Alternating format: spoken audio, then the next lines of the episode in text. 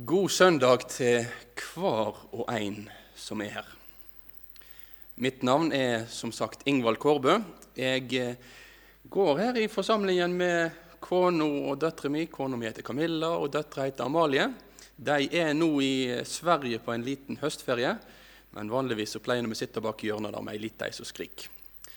Eh, jeg har satt fram imot denne søndagen her at jeg i dag skal få være med og forkynne Guds ord her i menigheten. Og Vi står overfor en tekst i dag som har egentlig flere ulike saker ved seg, som på ulike sider understreker viktige saker for oss som Guds folk i dag. La oss lese det hellige evangeliet fra Matteusevangeliet, kapittel 18, og vers 1-11.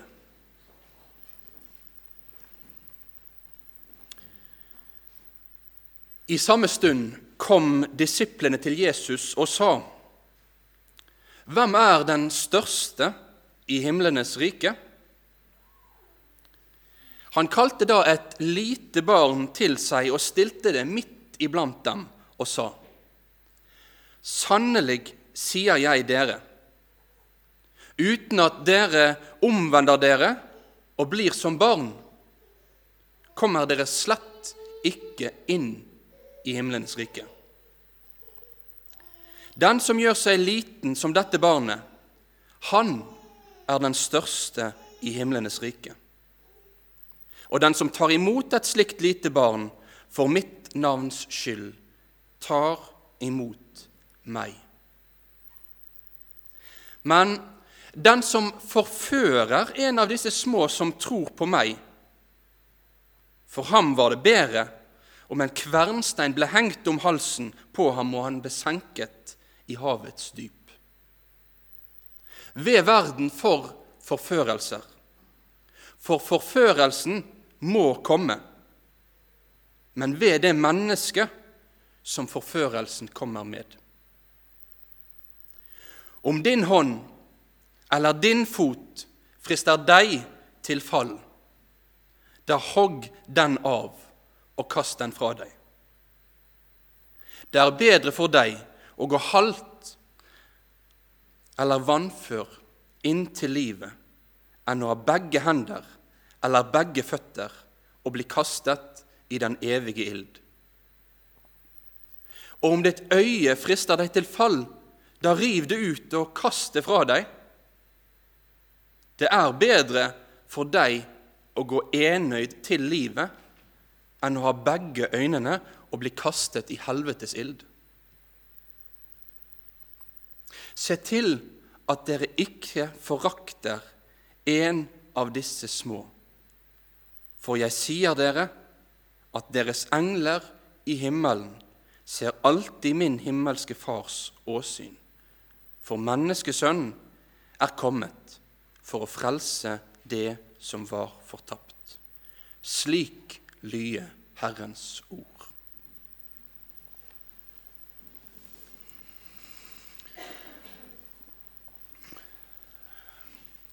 Dagens tekst starter med et spørsmål, et spørsmål som læresveinene i løpet av evangeliene kommer på litt ulike måter. Her er spørsmålet hvem er den største i himlenes rike? Og Ut ifra sammenhengen er det egentlig et ganske naturlig spørsmål for oss mennesker å kunne stille seg. For i løpet av de siste kapitlene i Matteusevangeliet har det skjedd flere ekstraordinære ting. I kapittel 16 så får Simon tilnavnet Peter, og Gud gir sitt løfte om den kirka som han skal bygge. Så får Peter, Jakob og Johannes være med Jesus opp på forklarelsens fjell og se den herliggjorte Jesus. Og nå rett før, i versene før, så har Jesus sagt til Peter at Peter skal gå ned og finne en fisk, og inn i munnen på den fisken ja, der skal det ligge noen penger som han skal betale eh, skatten til keiseren med for Jesus og for Peter. Det har vært mange erfaringer, mange ekstraordinære opplevelser som denne læresveinflokken har hatt. Og Kanskje er da spørsmålet mitt å komme Hvem er det som er størst? Når Peter får oppleve alt dette, er han den store? Vi mennesker vi har så utrolig lett for hele veien å ønske å sortere, ønske å rangere, ønske å stille oss sjøl, våre liv, ja, og vår menighet, mot andre. Men så snur Jesus på dette. Så snur Jesus på de tankene og det spørsmålet som Jesus, de kommer til Jesus.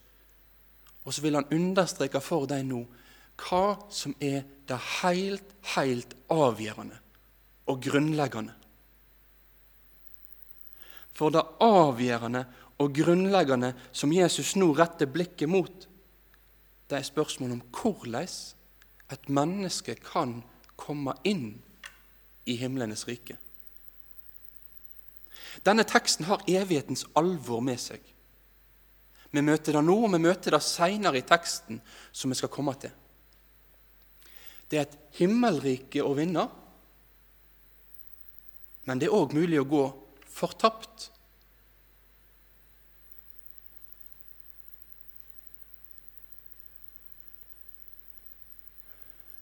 Og det avgjørende Det avgjørende er å kunne komme til himlenes rike. Jesus tar nå fram dette barnet og stiller barnet midt framfor læresveinene. Og Så sier han, sannelig sier jeg dere, uten at det omvender dere og blir som et barn, kommer det slett ikke inn i himlenes rike. Uten at en blir som barn, kommer en ikke inn i himlenes rike. Så hva er det med barnet? Hva er det med dette barnet nå som gjør at Jesus plasserer det i sentrum, og på mange måter løfter det opp som et forbilde for læresveinene? Her kan vi veldig lett begynne å tenke ut ifra vårt forhold til barn, kanskje vår kulturs forhold til barn. Eller kanskje kan vi la vår teologi liksom være presse inn i det som vi syns skal passe her, for å kunne si noe om hva ungene faktisk er. Noen ville kanskje ha sagt at ja, men barn er jo uskyldige. Men Bibelen forteller oss at mennesker av naturen er vredens barn. Kanskje det kunne være noen type egenskap, eller at de er så skjønne eller søte, eller hva det skulle være av våre forestillinger vi kunne knytte til barnet.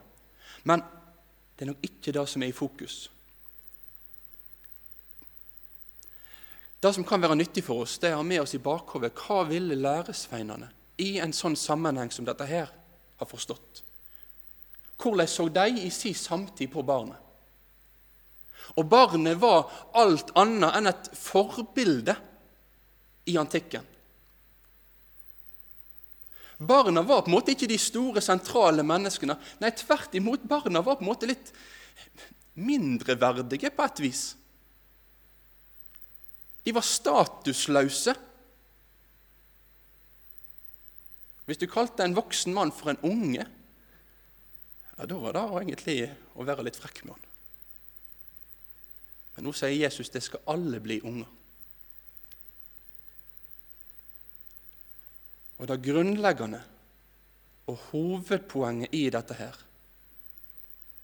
Det ser ut til å være da at Jesus retter blikket mot barnet sin avhengighet at barnet har behov for noen andre. At barnet ikke kan klare seg sjøl. Kanskje ungen kan si det, flykte hjemmefra og si 'Nå skal jeg klare meg sjøl'. Men det går ikke lenge før en begynner å fryse og blir kald og finne ut at jeg må hjem igjen.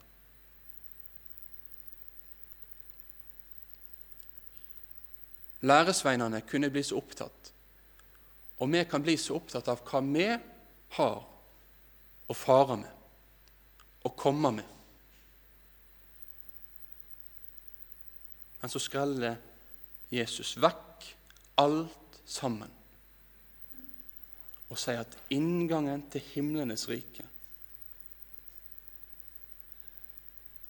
det er en inngang for den som mangler. Det er en inngang for den som trenger hjelp. Fokuset blir retta vekk ifra prestasjoner. Fokuset blir retta vekk ifra det som hadde skjedd med Peter, med Jakob, Johannes og de andre i løpet av de siste ukene. Så blir det sagt til de alle, vet du hva? For dere som er her, det må bli som barn.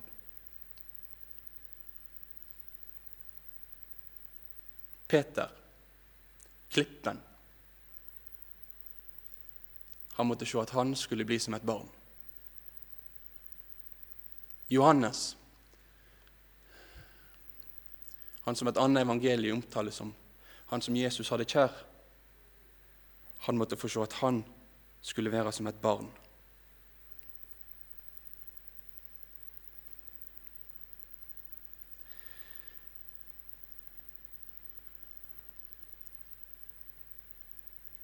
Hvor går veien inn til Guds rike i dag? For små og for store mennesker. Veien går gjennom at vi ser at vi alle er små, og at vi trenger en redningsmann. At vi trenger en frelser.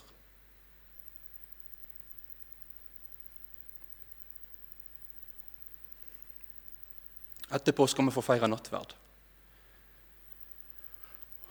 Få plasser syns jeg dette har vært tydeligere understreket enn i nattverden. For når vi kommer fram til nattverdbordet, så strekker vi ut våre hender. Og hendene kan være ganske ulike. Noen kan være furete, andre kan være mer glatte. Noen kan kanskje mangle en finger eller to. Ja, det er mye forskjellig. Men det som er felles for alle hendene som har vært strekt ut, det er at det er tomme hender. Det er ingen pengebunke.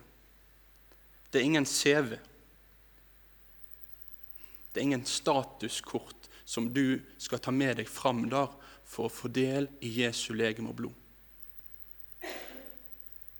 Det er ei tom hånd som sier, 'Jesus, jeg trenger deg, og jeg trenger din nåde'.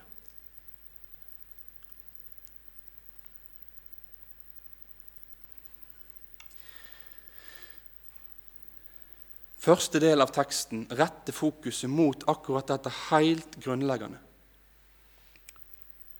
Vi er små. Vi trenger hjelp. Vi trenger Guds redning. Og Fokuset har da vært på at vi må se vår svakhet og vår avhengighet av Gud. Og så retter nå da Jesus blikket videre mot det som har å gjøre med forførelser. Og kanskje ved første øyekast så er det ikke uten videre så klart hva sammenhengen er. Men egentlig er det en veldig naturlig sammenheng her òg. Fordi at når vi innser noe av, av hvem vi er, av vår skrøpelighet, av vår svakhet og vår synd, så, så innser vi òg noe av vår vinglethet. For, for det er ikke et Guds barn som er mektig eller sterkt i seg sjøl. Du kan tenke at du har alt så godt på stell, men jeg kan si deg én ting, og det er at djevelen er så utrolig mye sterkere enn deg.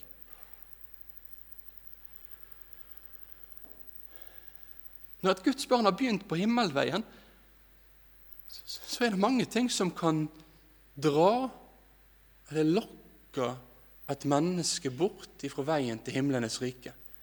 Det er forførelser som kan komme langs veien. Og Nå retter da Jesus blikket både mot ytre forførelser, men òg mot indre forførelser. Og Vi skal se litt på de to før vi kommer til avslutningen om Guds omsorg for sine små.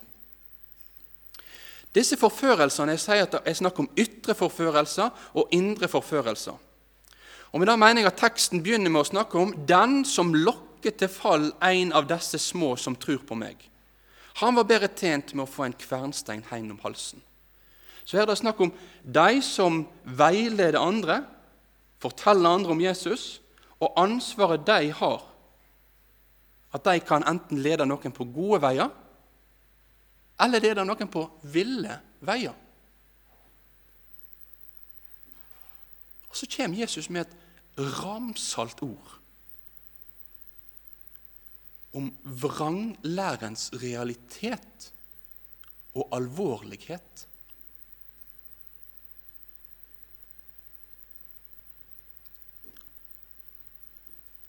Han er veldig klar på da at forførelser vil komme.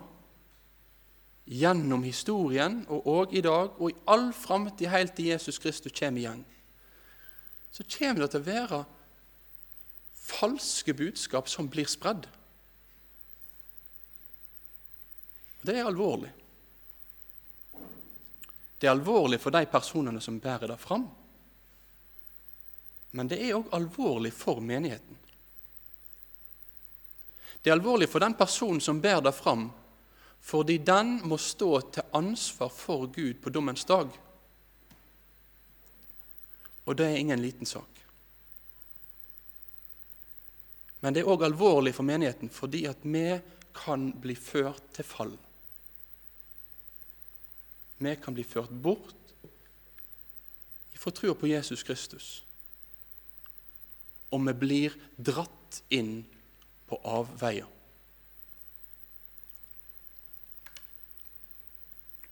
Jesus er opptatt av at hans menighet skal være en menighet som er bygd på hans ord, på hans sannhet.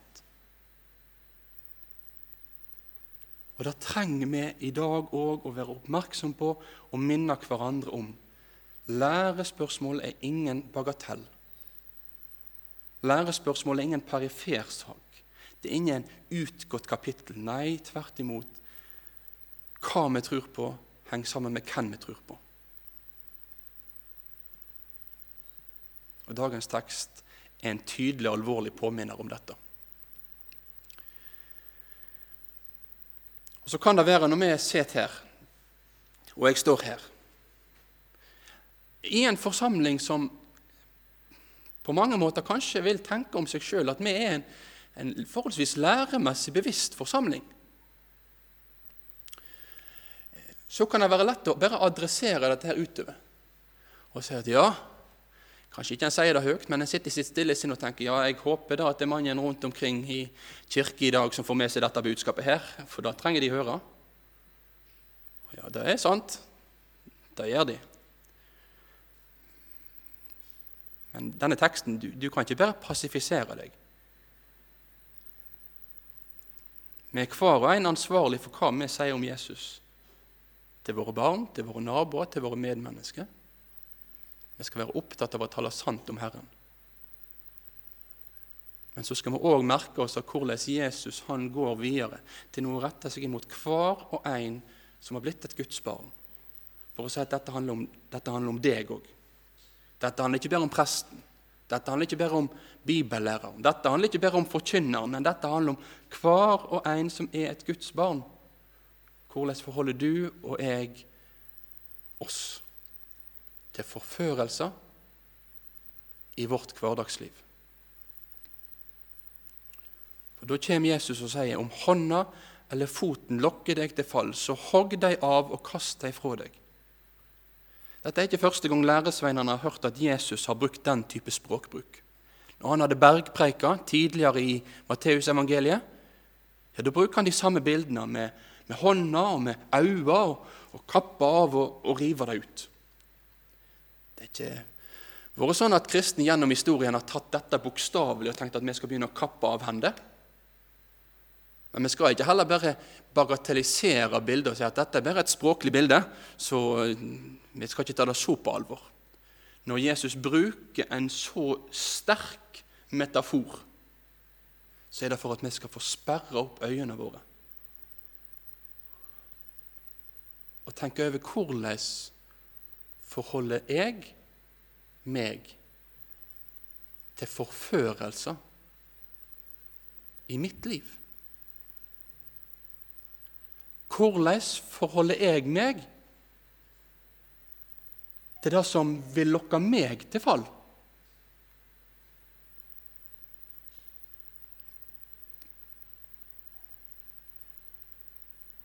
Hva ved er det i ditt liv som djevelens brennende pile på en spesiell måte sikter seg inn imot?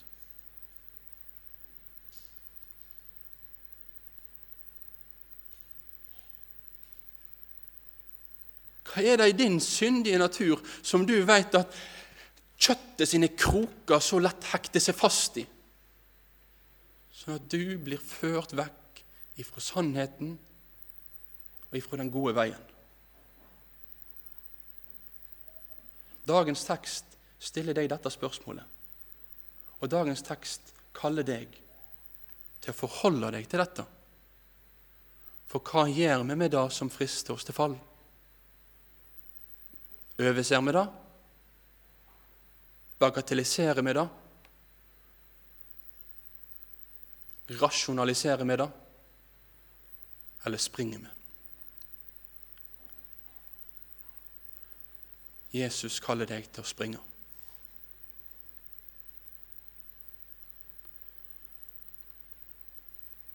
Om freden blir slutta med synda i ditt liv, om den brer om seg som surdeig mer og mer og mer og mer, så er denne teksten her så alvorlig, for den snakker om en endestasjon. Der Guds liv har blitt kvalt. Der barnekår er borte. Der mennesket går fortapt.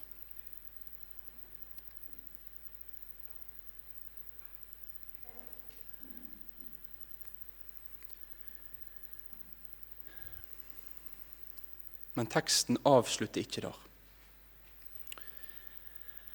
Etter den alvorlige formaningen til læresveinene så kommer Jesus med noen siste vers der han nå vil understreke sin omsorg for sine små. For når han kommer med advarselen om å, om å gli bort ifra trua på Jesus Kristus, og når han kaller læresveinene til å se at de er som små barn, så er dette her ut ifra at han har omsorg for sine. Han vil sine barns frelse. Han, han vil din. Han vil min frelse. Og Nå blir teksten avslutta med noen sannheter som på ulikt vis viser oss noe av Guds omsorg for sine små. Først begynner han med å si 'ta deg i vare', så det ikke ser ned med forakt på en eneste av disse små. Ta deg i vare så det ikke ser ned på en eneste av disse små. Hvem er det Jesus sikter til her? Ja, Det er jo egentlig alle som tror på Jesus, er jo små. Og Samtidig tenker jeg at dette kan på en spesiell måte aktualiseres overfor de menneskene som er så lett, med menneskelige øyne, kan se på som litt små. Mindre viktige. Mindre verdige. Vi sier det ikke rett ut, men på kirkekaffen så styrer vi raskt unna de.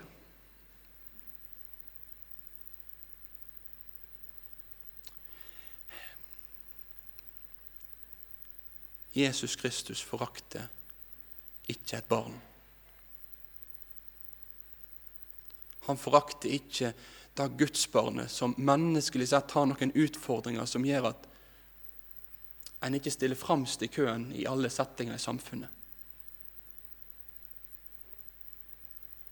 Jesus ser hver enkelt. Han har omsorg for den som ingen mennesker har omsorg for. For meg er en av de sterkeste historiene i Gamle testamentet om akkurat dette. Det er historien om Hagar i første Mosebok. Denne kvinna som blir fornedra og, og mobba av Abraham og Sara. Hun flykter. Ingen mennesker vil ha noe med henne, ser noe til henne. Men ute i ødemarka så hører hun en stemme som roper 'Hagar!' Hagar! Den første kvinna i Bibelen som blir tiltalt med sitt navn, det er hun som ingen mennesker ville ha noe med å gjøre. Men Herren i himmelen, han så henne. Og Hagar hun fikk navnet til den plassen. Han er en Gud som ser.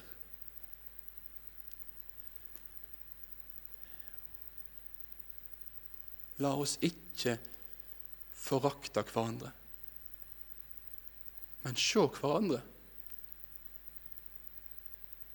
Se barn.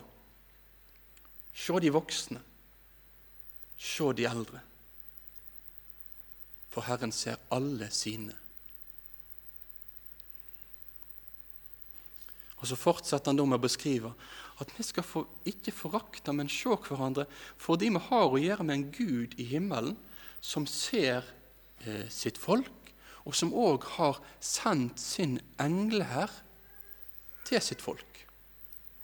Og Her skal ikke jeg bruke mye tid på å drøfte er det sånn at hvert enkelt gudsbarn har en egen engel eller ikke. Ja, Det kan være tanker om og oppfatninger om. og Ofte er det den teksten her, den teksten som blir tatt fram for at ethvert gudsbarn har en spesiell engel som har et særlig ansvar for en. Men, men, det er litt skjult for oss. Jeg tror ikke vi skal utvikle det altfor mye. Men det vi kan si med aldeles stor sikkerhet og trygghet, det er at vi vet at et Guds barn Et Guds barn er omgitt av Guds engler her.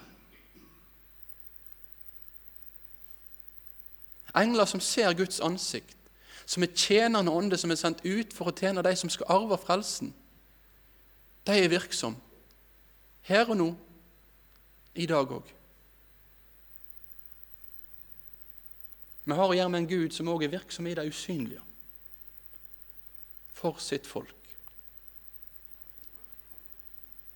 Men det uendelig store i denne teksten det er ikke at Gud har sendt sine engler. Det uendelig store det er at Gud Fader har sendt sin sønn. Og der avslutter teksten i dag. Menneskesønn, menneskesønn, han har kommet for å frelse det som var fortapt. Jesus har kommet. Jesus har kommet, og han har kommet for deg, du som trenger en frelser. Du som trenger nåde. Du som er et barn som mangler noe. Jesus har kommet. Og Når jeg har arbeidet med denne teksten de siste ukene, så er det ei sangstrofe som ikke har sluppet. Den har lagt av kverner igjen og igjen og igjen. Og Den vil jeg vi skal avslutte med nå. Trygve Bjerkreim sin sangstrofe henta fra Den store stjerna, en julekantate som han skrev. Ei enkel, kort strofe. Ikke til sjølvhjulpne sjeler. Ikke til stolte sinn. Men til det brostne hjarta steg verda sin frelser inn. Din frelser har kommet. Ære være Faderen og Sønnen og Den hellige ande, som var og er og være skal, en sann Gud, fra evighet og til evighet. Amen.